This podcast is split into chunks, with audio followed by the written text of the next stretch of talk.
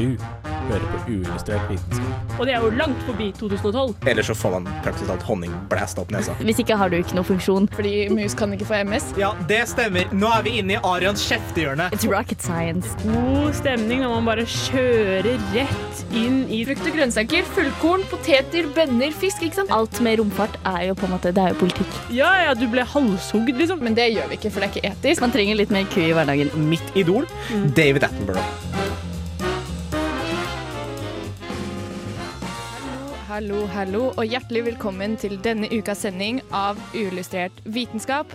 Vi eh, skal ha om Ig Nobel i dag. Det er for første gang på veldig, veldig lenge. Jeg er eh, i hvert fall veldig gira. Eh, og jeg heter Kristine. Og med meg i studio i dag så har jeg Emil. Mm, hei. Jeg har Arian. God dagen. Ida. Halloen. Og eh, Mari. Hei. Nå fikk jeg helt jernteppe på navnet. Beklager. nevningen. Ja, Det var helt riktig. Ja. Det var helt riktig. OK, men eh, Ig Nobel, hva er det for noe egentlig, og hvorfor skal vi snakke om det? Det er egentlig alt du trenger å vite om forskning, fordi det er egentlig alt som er relevant for oss som mennesker. Ja, det er, eh, Nja, kanskje ikke, men Ig Nobel er i hvert fall eh, Det er noen folk på Harvard som driver og Som har en komité som, eh, som kårer eh, Ig Nobelprisen. Altså det er en eh, tullepris for tulleforskning. Eh, og det som er slagordet deres, da, er liksom 'Science that makes people laugh and then think'. ja, så Slam. de mener også at det skal være litt relevant da, for eh, folk i verden. Eh, Det er det absolutt. og det er det kanskje opp til oss og dere lyttere der hjemme å vurdere om vi syns det er relevant for eh, eh, verden at folk vet dette. Er det bra forskning, eller er det bare tull? Eh, skal vi bry oss, skal vi ikke bry oss? Det er mange spennende spørsmål vi kan eh, ta for oss her. Eh, og eh, ja, eh, vi kommer til å snakke litt om hver pris. Eh, det er blitt ganske populært å snakke om Ig Nobel i media om dagen. Eh, men jeg er kanskje ikke helt enig i at de har trukket frem de sakene som det de har gjort. Sånn, hvem bryr seg om opp-ned-nedshorn? Eh, Selv om vi snakker om det. Hvem, hvem gjør ikke? og når du kan skrive om orgasme. Det er sånn, hallo. Det er, noen valg har blitt tatt. Jeg vet ikke helt om jeg er helt enig. Men Alt handler om prioritering. alt handler om Alt handler om prioritering. prioritering. Ja. Jeg må bare si at den, eh, den konferansen som, altså den prisutdelinga, det er den mest speisa greia jeg noen gang har sett. eh, noen gang. Hva Ja. snakker du om? Det var fantastisk. Vi prøvde å se den, og så kom vi sånn ti minutter inn i prisutdelingen og var sånn nei, Alle bare Hva er det her? vi skrur da av og hører på noe bra musikk. Så eh, det foreslår jeg at vi skal gjøre nå også. Vi skal høre på ingenting av svenske tilstander her på Uillustrert vitenskap før vi får Ig Nobelprisene. Neste stopp er uillustrert vitenskap. Velkommen tilbake til Uillustrert vitenskap. Vi skal eh, gå gjennom alle Ig Nobelprisene én etter én. Og den som har kanskje vært snakka om mest i media, er den i eh, transport. Så jeg tror vi bare kjører av gårde med den. Og Ig Nobelprisen i transport går til Så eh, som du nevnte tidligere, Kristine, så har det jo vært veldig mye snakk om Ig Nobel i media generelt. Eh, før nå, eh, blant annet på NRK har de snakka veldig mye om det, og Brille, var det ikke det? Jo. Eh, og da har det jo vært eh, fokus på det her eh, neshornet som har hengt opp ned. Som har blitt transportert sånn etter alle fire beina opp ned.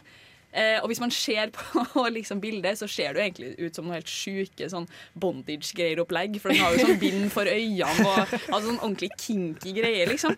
Men eh, e- det er egentlig bare at eh, Fordi at sånn svarte neshorn da, i Afrika Afrika, er, de er jo utrydningstrua. Ja. Så de driver og liksom sprer dem eh, rundt om på savannen eh, for å få arten til å etablere seg på nytt. Eh, og da har de da funnet ut at den mest effektive måten å transportere eh, sånn to, store, tunge dyr, da, blant annet neshorn, er etter beina opp ned og med hodet hengende bakover, sånn skikkelig dramatisk, da. Ja, det ser jo ut som en nær død. Jeg Så jeg var først sånn Oi, er dette noe sånn derre ulovlig dyrehandel-opplegg, liksom? Det ser jo helt sjukt ut. Det er folk som står og tar bilder og sånn Oh, it's a flying nosehorn. Eller det er jo ikke nosehorn det heter, da. men, eh, ja, så poenget, men poenget med den transporten, da, er at det er tydeligvis veldig mye eh, bedre for dyret. Eh, med tanke på at lunge, hva skal jeg si, lungekapasiteten opprettholdes, da, kontra hvis den har blitt eh, transportert i en eh, lastebil på sida, da. For at det her er jo fettunge dyr, liksom. De veier jo ja, nå, ok, nå har jeg ikke noe tall på det, men det er sj- sjukt masse. og Det de har veier jo mange hundre kilo. ja, absolutt. hvert fall. Eh, og de har jo da funnet ut at hvis Ja. de ligger på sida sånn, da, som de vanligvis har gjort før, så, så blir liksom lungene eh, lagt i klem. Mm. så det er på en måte nesten mer skadelig for dyret å bli transportert eh, på den måten rundt omkring. Og så, så ja, det er på en måte faktisk mer sånn etisk rett å transportere og forflytte neshorn hengende etter bondage-bånd etter alle fire beina. nå med- Men det jeg ikke skjønner, det jeg virkelig ikke skjønner, er det der bind for øyet. Hva skjer med det? Altså, Sikkert. Sjukt å melde, men eh, man har brukt den teknikken i hjemmetjenesten ganske lenge, faktisk. Men det er ikke Fordi eh, de bildene jeg har sett av de neshornene her, da er det jo med helikopter og sånn oppi ganske høyt opp i Ja! lufta. Er det fordi de har høydeskrekk, eller et eller annet sånt? Uh, Eh, nei, jeg vet ikke. Altså, er det, det er vel kanskje fordi at, for at Ok, det her var faktisk en veldig viktig detail, for de er bedøvd. De er bedøvd. Ja. Det er okay. ikke sånn at de bare Wow, sk- bro! Shoot flight, nei, de er jo selvfølgelig bedøvd for å være sovende og ikke bli redd og sånne ting. Og så tenkte jeg kanskje grunnen til at de har bind for øynene, er for at i tilfelle bedøvelsen går ut og de våkner eh, og ser ting, og så i tillegg er du bare lam, liksom, og henger etter beina. Så det kan jo være en mulig forklaring, da. Men jeg vet ikke. Ja, mørk, mørket gjør ofte dyr roligere. Eh, men så er det jo også det med at eh, eh, når man er i narkose, blir ofte, så blir øynene ofte åpne. Eh, Ah, eller når du ikke har kontroll på øyemuskulaturen dine, så er de ofte åpne. Det er derfor døde mennesker har øynene åpne. Så det er nok for å beskytte øynene også. Fordi at det, det er så viktig for et neshorn å ha eh, øynene sine i orden.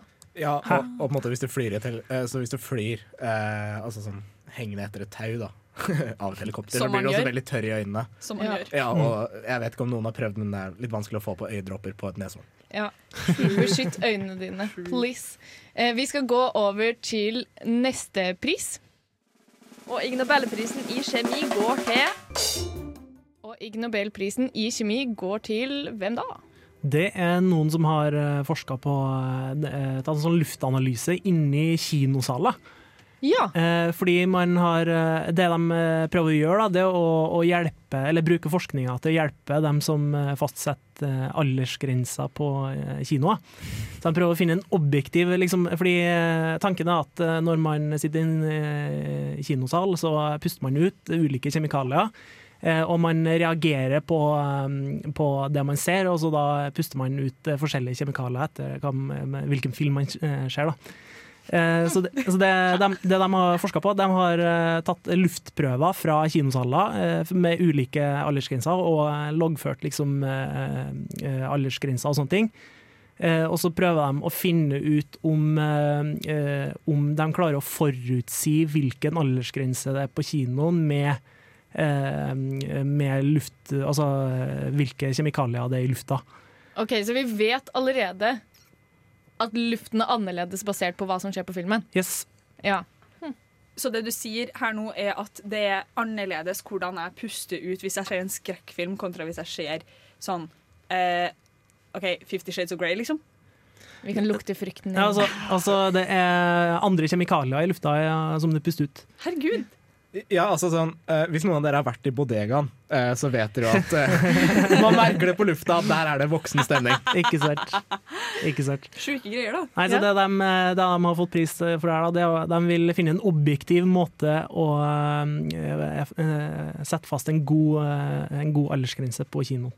Jeg føler liksom at på barnefilmer så er det sånn en aim av sukker i hele salen, mens på voksenkino så er det jeg vet ikke, noe annet. Aim av stress. Mm. Ja, kanskje. Men må man da gjøre det her før hver film? For det er jo litt dårlig stemning å sette en seksåring på Fifty Shades, og så er det Ja, for da har du allerede kanskje potensielt skada noen, liksom. Hva med testpopulasjonen din? Hvem er det, liksom? For hver- film så må du jo teste det på noen, da, sikkert. Eh, For å bedømme aldersgrensen som du da skal bruke på kino.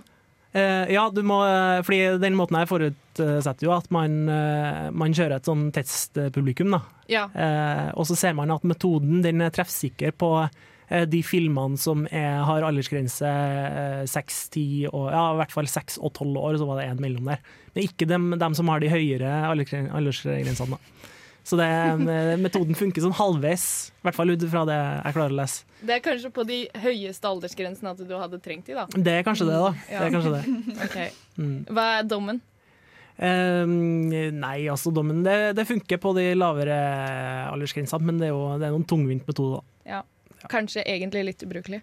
Ja, Litt gøy. Ja, litt, det er litt gøy. Er Litt gøy, litt Det er ubrukelig. litt gøy. Vi skal gå videre, men før det så får du Moika med 'Illusion' her på Radio Revolt. Uillustrert vitenskap. Velkommen tilbake til Ig Nobel her på Uillustrert vitenskap. Og vi skal eh, ta for oss prisen i kinetikk. Og Ig Nobelprisen i kinetikk går til dem som har forska på folkemengder og vandring her. Ja, Så det som var poenget, da, er på en måte at de har sett på hvordan eh, man skal prøve å ikke gå inn i hverandre. Og da spesielt med bruk Altså når man bruker telefonen sin. Så det det sånn at man ikke skal krasje, liksom? Ja, sånn som Hvis jeg og du går imot hverandre, sant? så skal Skjønner. vi prøve at jeg ikke går inn i deg. Ah. Ja. Og disse menneskene har forsket på hvordan folkemengder på en måte ikke krasjer inn i hverandre. Ja, korrekt. Ja. Eh, så det de har gjort, da, er at de har hatt eh, to eksperimenter eh, hvor de har fått jeg tror det var 25 folk i hver gruppe til å bare gå i en gang. Og så har man på en måte sett på hvordan skal de gå mot hverandre, da, så skal man se på hvordan de ikke krasjer. Og det eh, folk gjør, uten å egentlig tenke over det, er at man eh, danner to linjer. Så hvis måte, dere går mot meg, og vi går mot dere, så vil vi gå parallelt eh, uten å krasje. Ja. Fordi så- vi ikke går på hverandre, liksom. Korrekt. Ja. Men så var de litt sånn, ja, men hva skjer når vi bruker mobil? Fordi flere og flere folk eh, bruker jo mobil hele tida. Ja. Du ser jo stadig vekk noen på gata som går og kikker ned i telefonen sin. Absolutt.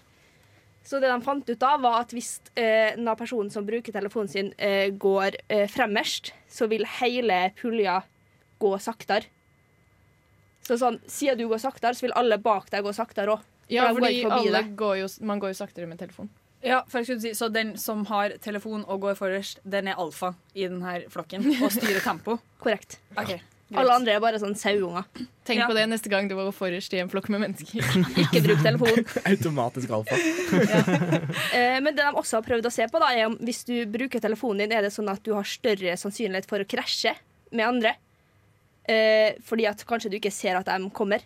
Eh, men det de fant, var at du krasjer ikke nødvendigvis. Du bare får veldig mye dårligere tid til å reagere. Så du vil på en måte måtte eh, gjøre en mer akutt handling da, for å slippe å komme til. Ja, på en måte Kommer ikke den der stillelåsen hvor du på en måte står ovenfor den andre personen bare Å, jeg skal bare til Å, nei! Å, Ja, å, den, den verste, verste følelsen. Vet du hva, Jeg går til venstre, du går til høyre, og så bare går man inn i hverandre. Akkurat. Ja, men jeg føler liksom at eh, når du går på telefon, eller i hvert fall jeg da, når jeg går på telefon, så blir jeg litt sånn ekstra varsom, egentlig. Jeg går kjempesakte. Eh, og ja, så jeg, jeg føler Men likevel, altså kan du liksom når, du, når jeg da ser opp, og jeg ser en annen person, så blir jeg sånn Oi, shit! Eh, og jeg tar et valg, jeg går til høyre! Og så som regel så går det bra. Men det ikke alltid. Nei, akkurat. Har du krasja med noen? Hæ? Har du krasja med noen? Så det, det, På gata? mm, Ikke så viktig. Vi kan gå Nei. videre. Kanskje. Eh, ja, eh, men i hvert fall. Eh, så det sa forskerne har eh, skrevet liksom i sin eh, artikkel, da, var at det her er jo nice å bruke når man skal planlegge både sånn gåtrafikk i forhold til hvordan man skal bygge opp eh, veifelt og sånn, tror jeg. Eh, men også eh, når du skal ha eventer. Så hvis du skal ha en svær konsert da, og skal slippe inn masse folk, så kan det på en måte være lurt å ta hensyn til at folk vil gå på telefonen sin, for det er vanskelig å få folk til å ikke gjøre det. Så det er bedre å bare tilrettelegge for. Ja, for sånn typ sånn, Hvor mye tid trenger du? Hvor eh, brei skal inngangen og utgangen være? Og det er, sikkert altså, det er sikkert regler på det allerede, med tanke på sånn brannsikkerhet og alle de tingene. Men det er sånn, hvor mange innganger trenger du? Hvor breie må de være? Hvor lang tid må du regne for slusing av folk? Men ok, det her hører faktisk helt sjukt, fordi at det her er jo en lættis studie, men det er jo faktisk veldig sant. Det er jo bare evolusjon. Det er sånn samfunnet vårt har blitt. Alt baserer seg jo på den jævla telefonen. Ja, det er jo litt trist, men Det er sånn har det blitt, da. Ja, det er sånn det er. Men det er kanskje nyttig, da. Mm. Rett og slett. Faktisk. Eh, vi skal høre på noe Vi skal gå gjennom noe ganske lignende. Det er prisen i fysikk. Ig Nobelprisen i fysikk går til Eh, ja, også bevegelsesfolk. også jeg... Bevegelsesfolk. Nå kom jeg ikke på et veldig godt navn, for jeg ble litt opptatt av å høre på den som snakka sist. Men eh, i hvert fall, eh, her òg har de sett på hvordan eh, folk ikke krasjer inn i hverandre. Så det er jo litt spesielt at de tok to helt like studier i to forskjellige Ja, for noen var hvordan folk ikke krasjer i hverandre. Og Og denne er hvordan folk krasjer i hverandre. Noen ganger hardt, og liksom. sånt. Jeg tror jeg, for at, Sånn forsto jeg det først òg, men jeg tror bare begge er hvordan man ikke krasjer i hverandre. Ok. Jeg skulle si, Hvordan tester man dette? Får man bare folk til å løpe inn i hverandre? Liksom? Sånn, ok, ok, Nå bare beiner du for den gangen, så ser du om du krasjer i den andre. Og Nei, du man- blir med i trekninga til en iPad hvis du blir med. Nei, men for Den forrige studien var jo eh, Der var det satt opp et eksperiment, så det var folk som var henta inn for å eh, sjekke det. Men her hadde de bare eh, stilt seg på en togstasjon i Nederland og bare sett på folk som beveger seg. Så i seks måneder så var de der 24-7 og bare så på folk som går forbi hverandre i en gang. Har man, eh, men i den første studien har man liksom eh, samla folk til et eksperiment, og så satt man en sånn tracker, og så, eh, og så altså, i et sånt rom og så med sånn kamera som eh, finner alle, de, eh, alle folkene med de, de brikkene, liksom. De der chip, eh, chipsene. Og så analysert med en sånn eh, Er det det som er greia, eller hvordan eh, Eh, nå vet jeg ikke akkurat hvordan de mon altså, moniterte dem, det er ikke et ord. Men Monitorert. Eh, de hadde video. Okay. video? Ja, Som videoopptak. Ja, riktig. Og så får man en datamaskin til å gjøre fancy ting. Ja, Men den andre så var det jo ikke overvåkning. Der var det folk som satt der fysisk og så i mange måneder. Men fant de det samme? Eh, ja, eller så her så jo ikke på eh, telefonbruk, så det var ikke helt den samme forskningen. Men Mm. på samme måte som den første, så fant de at folk eh, ikke eh, At på en man planlegger hvor man skal gå ut ifra omgivelsene sine og ut ifra andre folk. Mm. Så er liksom, du planlegger en sti i hodet ditt som du skal gå. Eh, og hvis det ikke er noen eh, forstyrrelser, så vil du jo kunne gå der. Egentlig bare sånn rett frem der du har tenkt å gå. Men hvis det kommer andre folk, eller det kommer noe eh, sperra, sånn plutselig, eh, en hjort eksempel, så må man, eh, da må man omkalkulere hvor man skal gå hen. Ja. Og da, i hvert fall hvis det er snakk om to folk, da, så vil de ofte omkalkulere sånn at man kan gå forbi hverandre i en eh, eh, behagelig fart og med behagelig avstand. Så man skal gå forbi hverandre med 1,4 meter, sånn mellom. ja. Og så eh, skal man ikke gå for fort, da. Er det mange du sa det var gjort? Var det, var- fant mange hjorter på togstasjonen i løpet av de månedene? Jeg tror det var 50. Nei. det var nok ingen. Altså, jeg skal ærlig innrømme at jeg trodde liksom at prisen i fysikk ja, Mens den i kinetikk handla om hvordan folk ikke krasja i hverandre, så trodde jeg at den i fysikk skulle handle om hvor hardt folk krasjer i hverandre. sånn at jeg måler liksom hvor flaut det her er, og eventuelt hvor mange av dem som krasjer, som gifter seg og sånne ting. Det er veldig gøy. Jeg var så skuffa. Idé til neste gang. Idé til neste gang. Vi skal gå videre til neste pris. Ig Nobelprisen i økonomi går til Ja, eh, OK. Det her er faktisk sykt lættis. Fordi så forskerne her da, som eh, gjorde denne økonomiske studien, fant ut at det er en korrelasjon mellom eh, folk med høy BMI, altså body mass index, og eh, korrupsjon i Wow. et land. Så eh, for å si det enkelt, da, det er eh, OK, jo feitere de i, i, i statlig styring i landet ditt eh, er, eh, jo mer korrupsjon forekommer også i landet. Men, men det er litt ja, sånn det er ikke hvor korrupt politikeren er. Nei, det er liksom mer sånn at de har funnet ut at det er en sammenheng i eh, Ja, hvor mye korrupsjon korrups, korrupsjon, hvor mye korrupsjon som skjer. Eh, at det tydeligvis eh, Ja, OK. Poenget mitt er at eh, det- Ja. Ja, så er, det et sånn Venn-diagram da, hvor politikere på en måte er i midten. Så på den ene siden har du korrupte folk, og på den andre siden har du overvektige folk. Og så møtes de sånn ved politikere.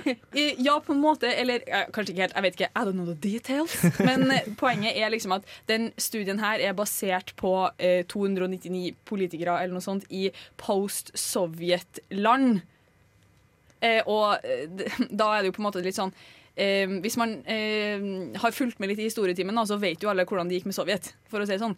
Ja. Eh, og så er det jo også sånn veldig lett å tenke at siden det er de forskningsobjektene objektene som er brukt, så er på en måte allerede konklusjonen satt for studiet. Men samtidig så må på en måte eh, forskninga skje i et land hvor korrupsjon har forekommet, for i det hele tatt skje i denne sammenhengen.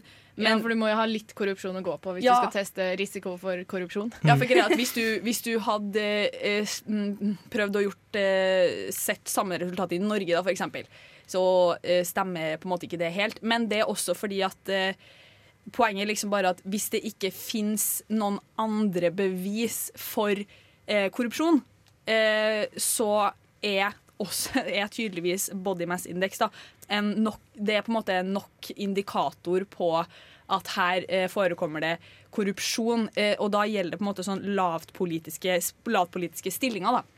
Men dette har jo sånn femåringer i barnehager visst til enhver tid. Oi, vi skal gå videre, og vi skal høre 'Brenn' av, eh, med 'Jeg blir så dum' her på Illustrert vits. Hi, my name is Bob the Drag Queen, and you are listening to Radio Revolt. Velkommen tilbake igjen til Radio Revolt og Illustrert vitenskap. Vi snakker om Ig Nobel, og vi går videre med neste pris. Og Ig Nobelprisen i biologi går til Den går til en eh, fargerik kattedame.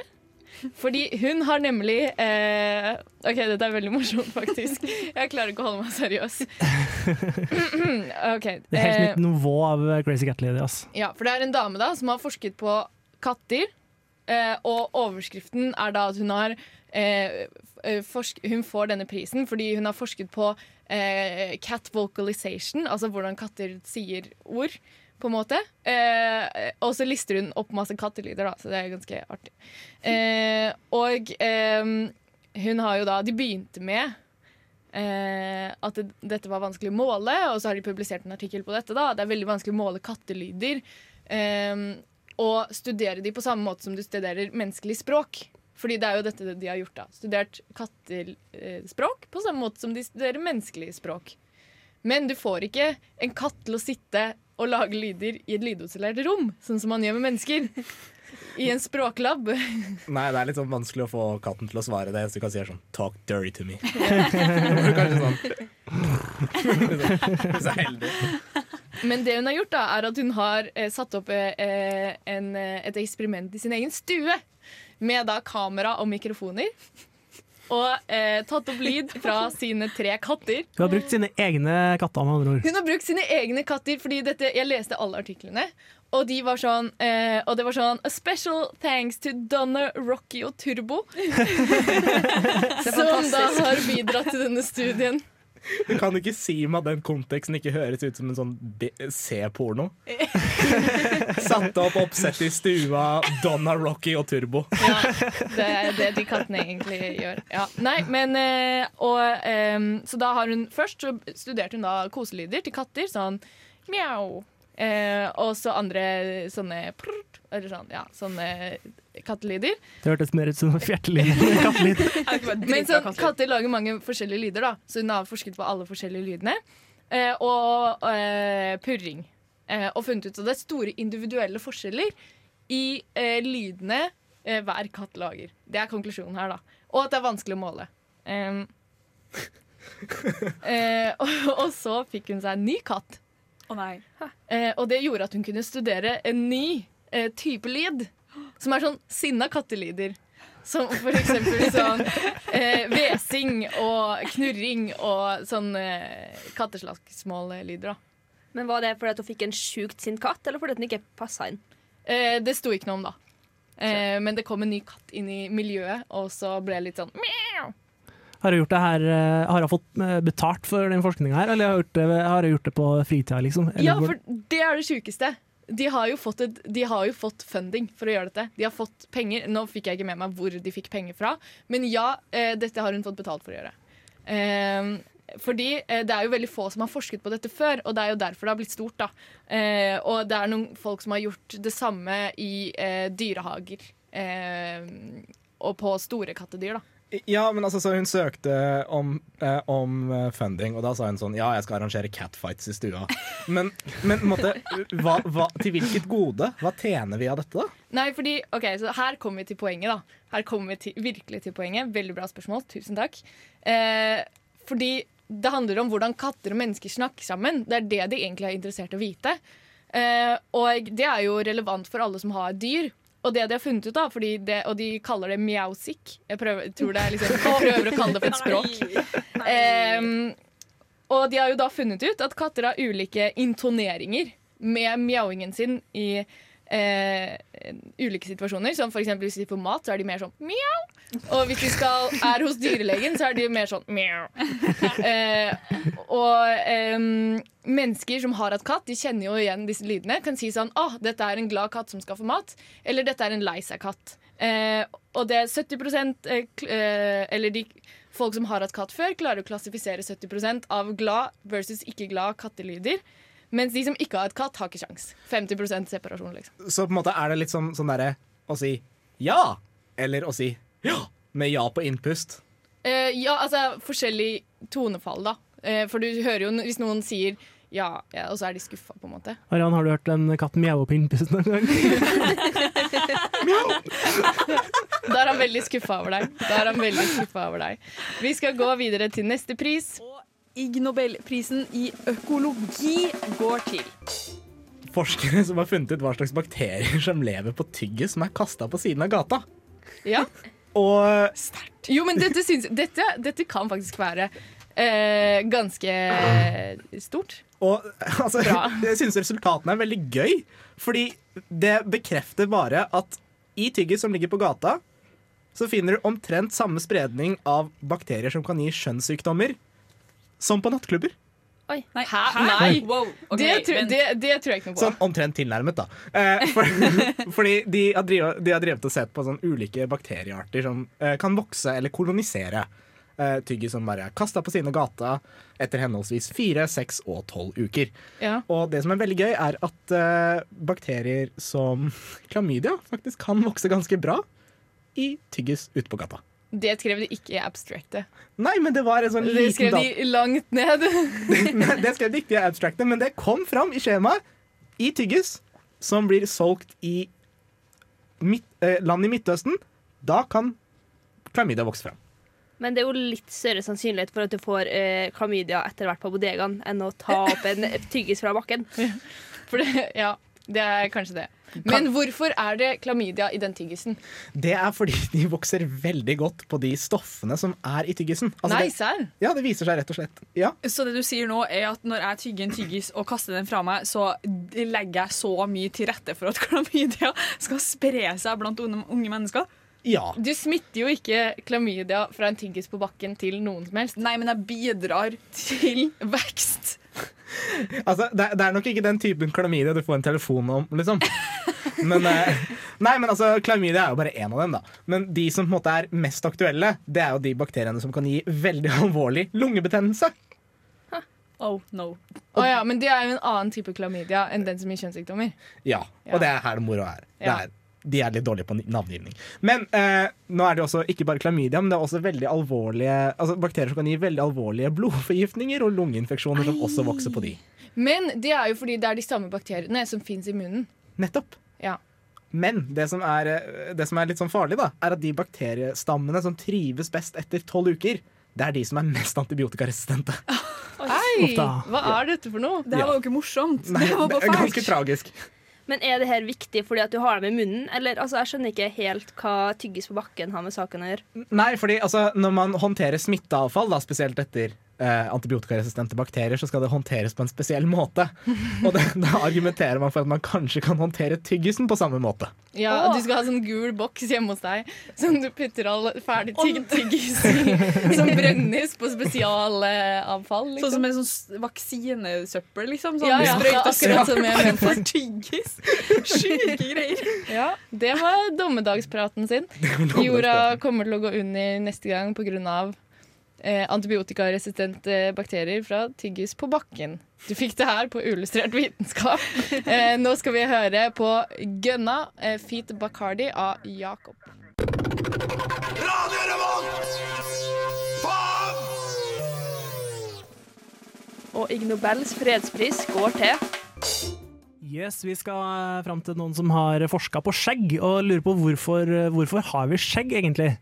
Eh, og så har de funnet ut at eh, i slåsskamper så er jo kjevebeinet det, det som eh, tar mest skade, vanligvis. Eh, så de ja. eh, prøver å teste da, hypotesen om at eh, folk får skjegg, eller mannfolk får skjegg, fordi eh, man vil beskytte eh, kjevebeinet i slåsskamp. Eh, Ja. Det er hypotesen okay. de skal teste. Så, eh, men eh, man, når man eh, rekrutterer folk til sånn, eh, sånn eh, eksperiment, så eh, man kan jo ikke liksom gå rundt og spørre Hei, kan du signe på her at eh, in the name of science, du vil bli slått i ansiktet? Jo, jo, jo, men altså, jeg tror det er et poeng i det. Fordi det er bare glattbarberte BI-gutter som havner på legevakta etter å ha fått slag i ansiktet. Og Ja, ikke, ikke sånn menn med skikkelig fulle skjegg. Jeg, Ikke jeg, jeg tror ikke det er vitenskap bak den påstanden der. Men altså, det, eh, hypotesen får støtte. Da. Man, eh, måten man har testa på, var at man har laga noen sånne hodeskaller eller et eller annet sånt, eh, noe som skal simulere kjevebein. Ja, så Eh, ikke ekte mennesker, altså. Ikke ekte mennesker. Ingen har blitt skada i denne studien, faktisk. Eh, og så har man tatt eh, Man har da brukt eh, saueskinn istedenfor menneskeskjegg. For å få liksom den samme, samme beskyttelsen. Og så har man sittet og Jeg vet ikke om man har plukka det for, eh, tatt ut hårene for hånd, men man, man har eh, tatt ulike typer saueskinn som skal eh, representere ulike Altså barbert og med masse skjegg. Ja. Eh, og så har man eh, satt i en sånn her eh, Droppa noe sånn her vekt og sånne ting på det, sånn at man kan måle styrken som eh, Eller altså den eh, energien som skjegget absorberer.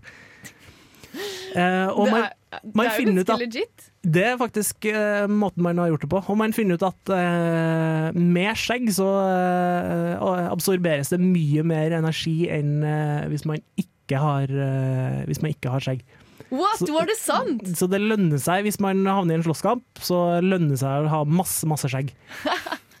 Kan jeg få skjegg? Har du planer om å dra i slåsskamp? ja, ja, kanskje det. Sånn kan skje. Eh, Får boksere lov å ha skjegg? Hva sa du? Om boksere får lov til å ha skjegg? Det Det er kanskje ikke en ting. Proffboksere, liksom. Men er det her grunnen til at vikinger hadde psyko mye skjegg? Kanskje, jeg vet ikke. Jeg, jeg tror nok det er fordi de ikke hadde sånn kjempebra verktøy til å barbere seg. Men det hjalp dem veldig mye, tydeligvis, da. I sånn klassisk vikingslåsskamp. eh, klassisk.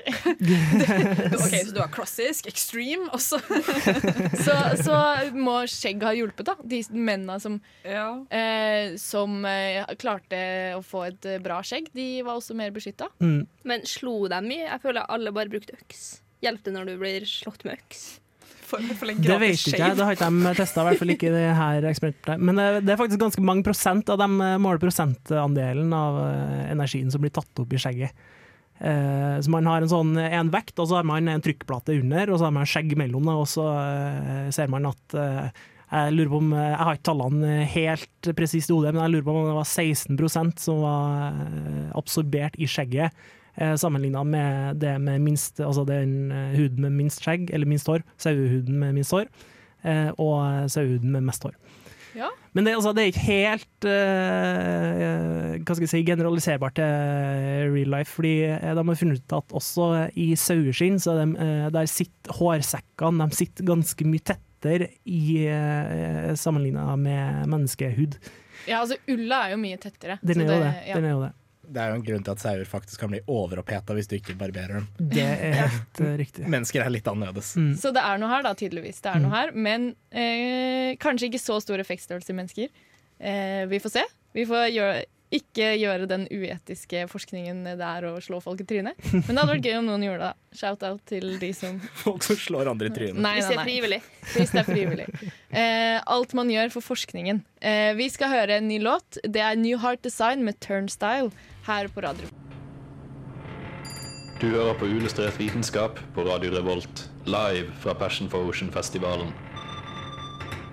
Velkommen tilbake eh, fra, til, på Uillustrert vitenskap. Eh, vi er da ikke live, men det var et blast from the past. Vi er jo live. Vi er, jo, men ikke fra Passion for Ocean.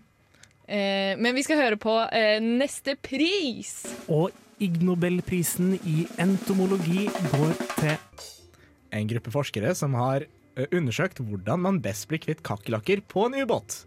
Ja vel. Så det var en veldig tematisk overgang. Eh, Det viser seg at kakerlakker på ubåter har vært veldig problematisk å håndtere. eh, Spesielt på atomubåter. Men hvorfor, ikke, hvorfor kan du ikke bare knerte de med sånn eh, stekepanne stekespanne eller et eller annet? Jeg, jeg tror ikke det vil gå rundt med en stekepanne og liksom slå rundt på ting på en atomubåt. Det, oh ja, sånn ja. altså, sånn, sorry, altså, men det, det er litt katastrofescenario. Kjedelig hvis du kommer borti den store, røde, stygge knappen. jo, jo, men det som er gøy, er at det egentlig viser at det er vanskeligere å bli en tre, Altså få uh, opplæring som politibetjent i USA enn det det er å bli kvitt kakerlakker på en atomubåt. OK, så det er ganske enkelt. Nei, ja. Det er ganske vanskelig å bli kvitt kakerlakker. Så det de gjorde, var rett og slett at de fant ut at oh, wow. Teknikken de brukte under andre verdenskrig, funker fjell. Du gasser dem ut, og så gasser du dem på selve slagsområdet. da. Men ja, blir- ja. Så du, du samler alle kakerlakkene, Ja, og så gasser du dem? og så gasser du dem. Og, og det, Det var men- trist. det, det, er, det er trist, men de fant ut at det sparer utrolig mye tid og penger. Blir du da kvitt hele mannskapet samme sleggen, eller hvordan blir det? Nei, fordi mannskapet er jo ute av ubåten. Ah, OK, de gjør ikke under vann. Nei, nei, det, nei, nei, nei, herregud. Du, gass, du gasser ikke mannskapet på en atomubåt under vann. Det er en katastrofe som venter på å skje. Nei, nei, hvis du, har kjø hvis du har begynt å kjøre og oppdager at du har et kakerlakkproblem, så fungerer ikke det, den teknikken. Nei, men igjen, hvis du har en atomubåt som skal ut og kjøre, så tenker jeg at man tar litt sånn forhåndstiltak, da. Å ja, så du gjør det før du drar? Ja, det er absolutt det man gjør. Så det de fant ut, er at det er bare billigere. Men hvor ofte er det kakerlakker på ubåt? Atomubåt? det? Det, det er faktisk den største problemstillingen på, på atomubåter. Ja, Ja, ikke, Er det? ja, en av de største. Ikke frakt av atomvåpen, men kakerlakker. Ja, ja. ja. Det er litt sjukt å melde. Men er ikke det sånn egentlig sykt farlig? Fordi altså, en, den minste touch er jo livsfarlig, og kakerlakker er jo ja, ekkel og ja, jeg vet ikke. jeg, Jeg tror ikke de som jobber der, hyler like mye som en jente.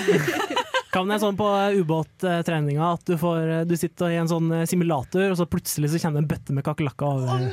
Jo, jo, men altså, Hvis det er noen som hadde overlevd et atomsmell, så hadde det vært kakerlakker. Så hva om kakerlakkene er spioner? Ah, det er det de er. Det er, det de er. Vi har løsningen. Neste konspirasjonsteori får du rikenes fersk her på Uillustrert vitenskap. Vi går, neste, ne, ja, vi går videre til neste pris. Og Ig Nobelprisen i medisin går til Den går til de som har eh, forsket på om orgasme kan gi mindre nesetetthet. Eh, og det syns jeg eh, er litt Eller Det er jo eh, den gøyeste prisen. Ja, fordi den inneholder orgasme. Kjempegøy. Men jeg syns eh, når du begynner å lese artikkelen, så er det helt sjukt, liksom. Eh, fordi de begynner artikkelen med å være sånn Ja, eh, Sigmund Freud eh, og hans eh, kompiser eh, tenkte jo det at det var en fysiologisk kobling mellom nesen og kjønnsorganet. Så inni nesen, ganske langt oppi nesa, eh, så har du da noen områder som er direkte koblet til kjønnsorganet ditt.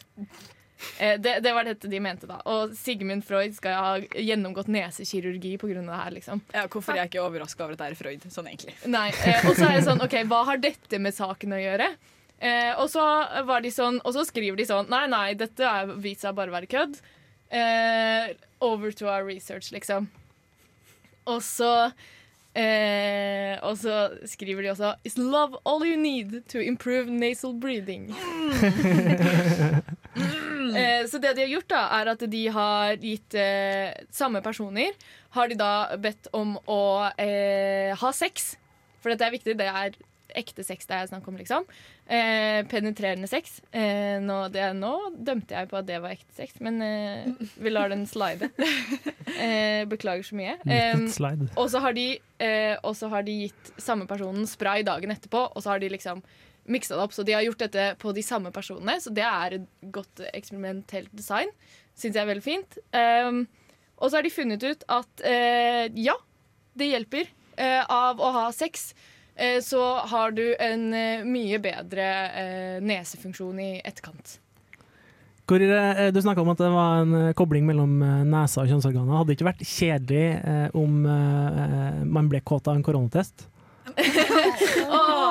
Ja, ikke sant? Det er derfor Freud sin eh, forskning er eh, Ja. Det er derfor det ikke var en greie, da. For, for, for å besvare det. Jeg, jeg tror nok det finnes noen som gjør det. Ja, ja, Men, eh, men det er ikke poenget her. Eh, men så var det eh, denne effekten da av eh, å være mindre tett i nesa. Den varte i opptil én time.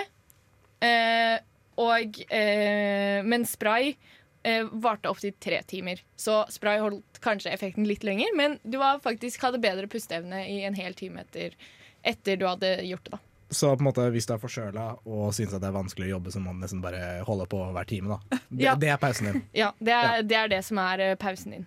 Eh, også, men så har de jo ikke eh, forsket på om dette gjelder eh, onani.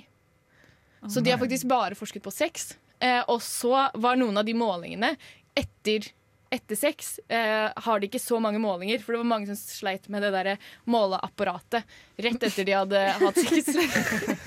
og, og da måtte jeg også le litt. Det er så flaut. Man fullfører, og så er det sånn Må hente måleapparat! Eh, men hvis du ikke kan ha sex, da, så kan du også gjøre andre ting, som f.eks. å trene, gå i et kaldt rom. Eh, ja. Ta deg en kald dusj. Ta deg en kald, ja, litt sånne ting, da. Alene. Alene. Så eh, det eh, var eh, den forskningen. Du blir faktisk Jo! En siste ting om det. Det var at det kun hjalp for folk som var tett i nesa fra før. Så hvis du ikke følte at du var tett i nesa, så hjalp det ikke. Du må eh, ha et problem med at du er tett i nesa først. Eh, og det er også et godt tegn, da, egentlig. Det gir jo egentlig mening når eh, oppdraget i forskninga er, eh, er å finne ut hvordan man blir frisk fra tett nese. Ja, ja egentlig. Det er den nye sjekkereplikken min. Altså. Ja. Ja, vil bare si at det er en forkjølelsesepidemi ute og går nå, så kos dere, folkens. Ja, sorry, folkens.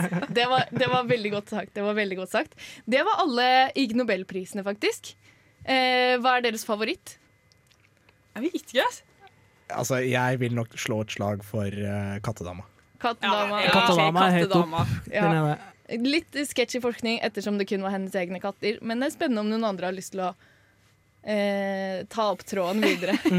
De sa de hadde fortsatt. Prosjektet var fortsatt på gang. Og det er jo lovende. Det er jo veldig lovende. Eh, det var det vi hadde i Uillustrert for denne uka. Eh, veldig gøy med Ig Nobel. Vi følger det hvert eneste år. Så om du syns dette var gøy, så gå et år tilbake. Eller vent til neste år.